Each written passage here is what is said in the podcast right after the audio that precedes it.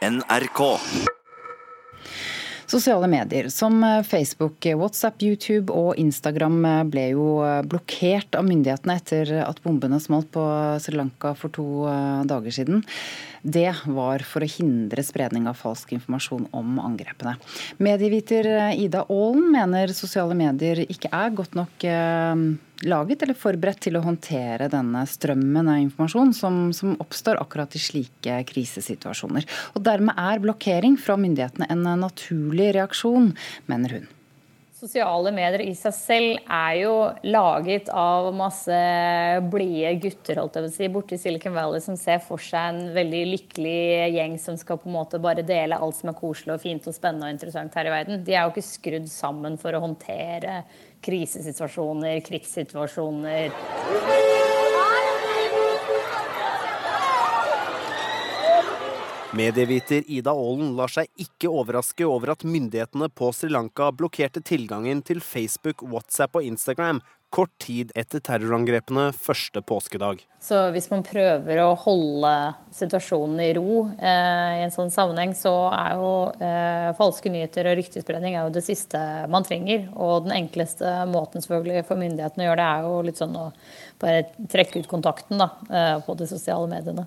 For det er selve grunnmodellen til de sosiale mediene som blir problematiske i møte med alvorlige og dramatiske situasjoner, sier Aalen. Så hele mm, grunnstrukturen i Facebook er jo skrudd rundt å få oss til å dele så mye som mulig. Eh, og det er jo rett og slett ikke et verktøy som fungerer så veldig bra i møte med en alvorlig situasjon. Det er ifølge Aalen fordi de sosiale mediene ikke bruker nok ressurser på å skille falsk og korrekt informasjon på tjenestene sine. Da trenger du mennesker som kan lese over ting, og da trenger du mennesker som kan det lokale språket, og som kjenner den lokale historien, den lokale konteksten, for å kunne bedømme hva som er innenfor ytringsfrihetens rammer, og hva som er på en måte skadelig. Og det eh, Facebook har har rett og slett for få moderatorer på verdensbasis til at de klarer å håndtere situasjoner som dette. Også da Notre-Dame-katedralen i Paris sto i brann bare seks dager tidligere, florerte det falsk informasjon som fikk fart på sosiale medier.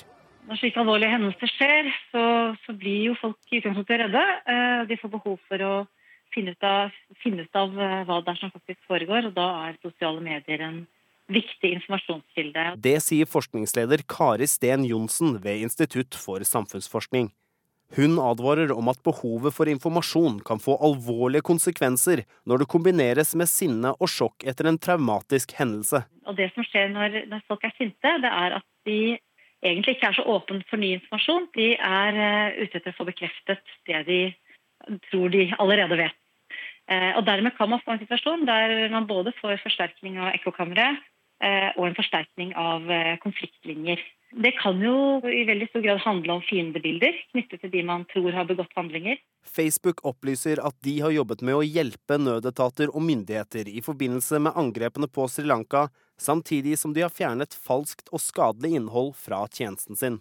Folk er avhengig av plattformen vår for å kommunisere med sine nærmeste, og vi er fast bestemt på å opprettholde tjenestene våre og på å hjelpe Sri Lanka gjennom disse tragiske hendelsene, uttaler Facebook i en e-post via sitt norske kommunikasjonsbyrå Sleger. Det var Øystein Tronsli Drabløs som hadde laget denne saken.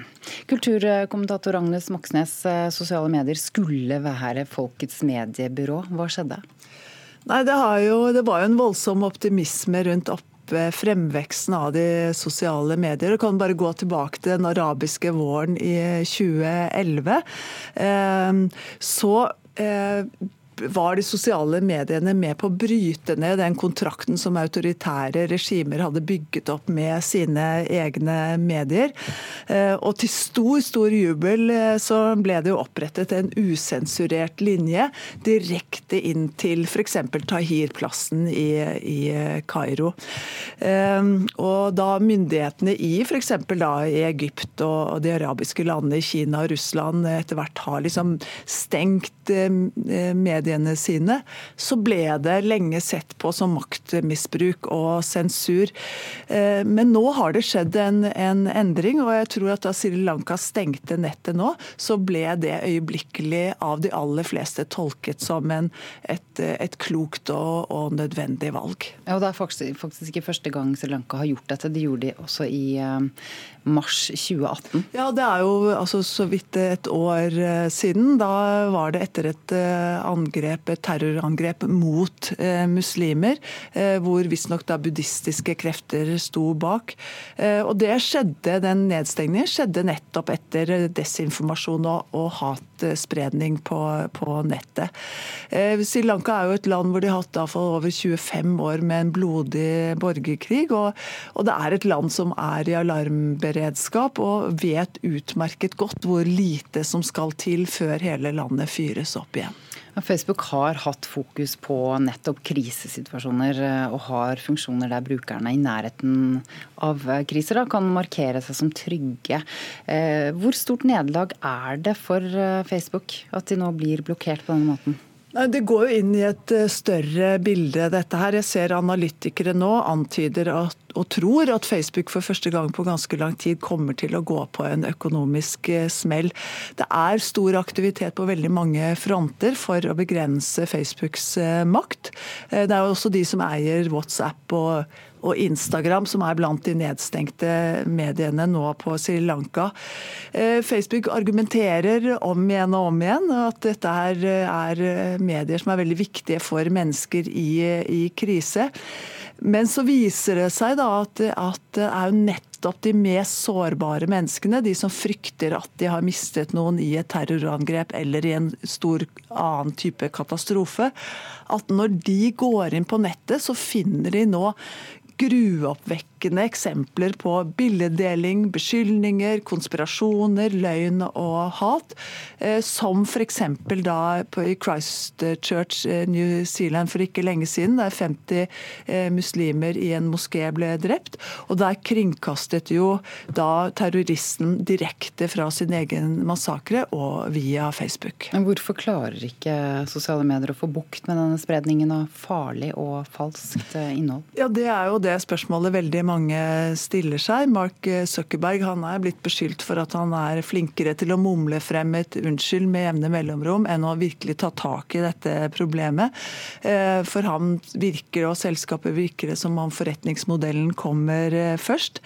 Men etter etter de store skandalene som rulles opp fortsatt med det amerikanske valget i 2016, Cambridge Analytica, spredning av falske nyheter og konspirasjonsteater, pluss eksempler nå på altså Vi får jo et EU-direktiv nå hvor opphavsrettighetene knyttes altså Den som har ansvar for opphavsrettighetene, er selskapet og ikke brukerne. Så det tillegges nå de store eh, globale medieselskapene mye større ansvar enn det har gjort eh, tidligere.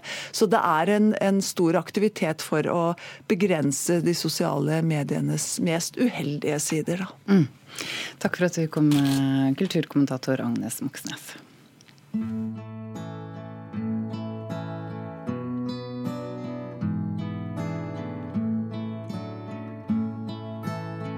Jeg hadde sett deg lenge der du kom. For alltid vet jeg det når du er nær. Og hadde tenkt å hilse lett og koldt. Fordi jeg ennu har deg altfor kjær. Denne sangen heter 'Jeg hadde tenkt'. Teksten er av Rudolf Nilsen, arbeiderklassedikteren fra Oslo østkant som kanskje er mest kjent for sine politiske tekster, men som også skriver veldig vakkert om kjærlighet. Og Det skal vi snart få bevis på, Elisabeth Grøndal. Ja, fordi eh, det kommer en ny utgivelse, og den skal artisten Pål Moddi Knutsen være med på. Eh, sammen med altså noen veteraner som eh, har gjort dette før, som vi jo hørte nå, tilbake i 1973. For da kom plata på stengrunn, der visesangerne Kari Svendsen, Steinar Ofsdal og Lars Klevstrand tonsatte dikt av Rudolf Nilsen. Og nå er de i studio på nytt sammen med Moddi, forteller Klassekampen i dag. Men Hvordan ble disse kjent? Nei, eh, Kari Svendsen forteller at de ble kjent med Moddi for tre år siden under eh, Kråkeslottfestivalen på Senja. Der møtte de han og oppdaget at han kunne alle de gamle visene utenat. Han er rett og slett blodfan. Ja. Og, det, og, han eh, er jo en annen generasjon, vi kan jo si det sånn. Hvordan syns han det var å jobbe med de han må ha sett opp til opp gjennom oppveksten? Jo, Han sier det er som å krasje inn i et gammelt ektepar som består av fem personer. Eh, men dette er jo som du sier, folk som Moddi ser veldig opp til. sånn at han sier at når han jobber sammen med dem, så blir han bare sittende og måpe. Og vanligvis er han en storprater, men her blir han altså helt stille. Og, og Hva slags sanger er det han jobber med på denne platen? Eh, han sier til Klassekampen at han er opptatt av å vise noen av de nye eller noen andre sider av Rudolf Nilsen. Så en av tekstene som han har eh, satt eh, melodi til, 'Radio', handler om hvordan dikteren lytter til sin nyinnkjøpte radio, som var helt ny teknologi den gangen, og forelsker seg dypt i en operasanger. Ja, og dette er jo 20-tallet, er det der omtrent vi har Rudolf Nilsen? Det er akkurat 90 år siden i dag, faktisk. Ja, ikke sant? Ja. Um, dette får vi da vite mer om. Platen heter eh, 'På gjensyn'. En fin tittel på et gjensyn med, med Rudolf Nilsen. Elisabeth Grøndal, takk for at du orienterte.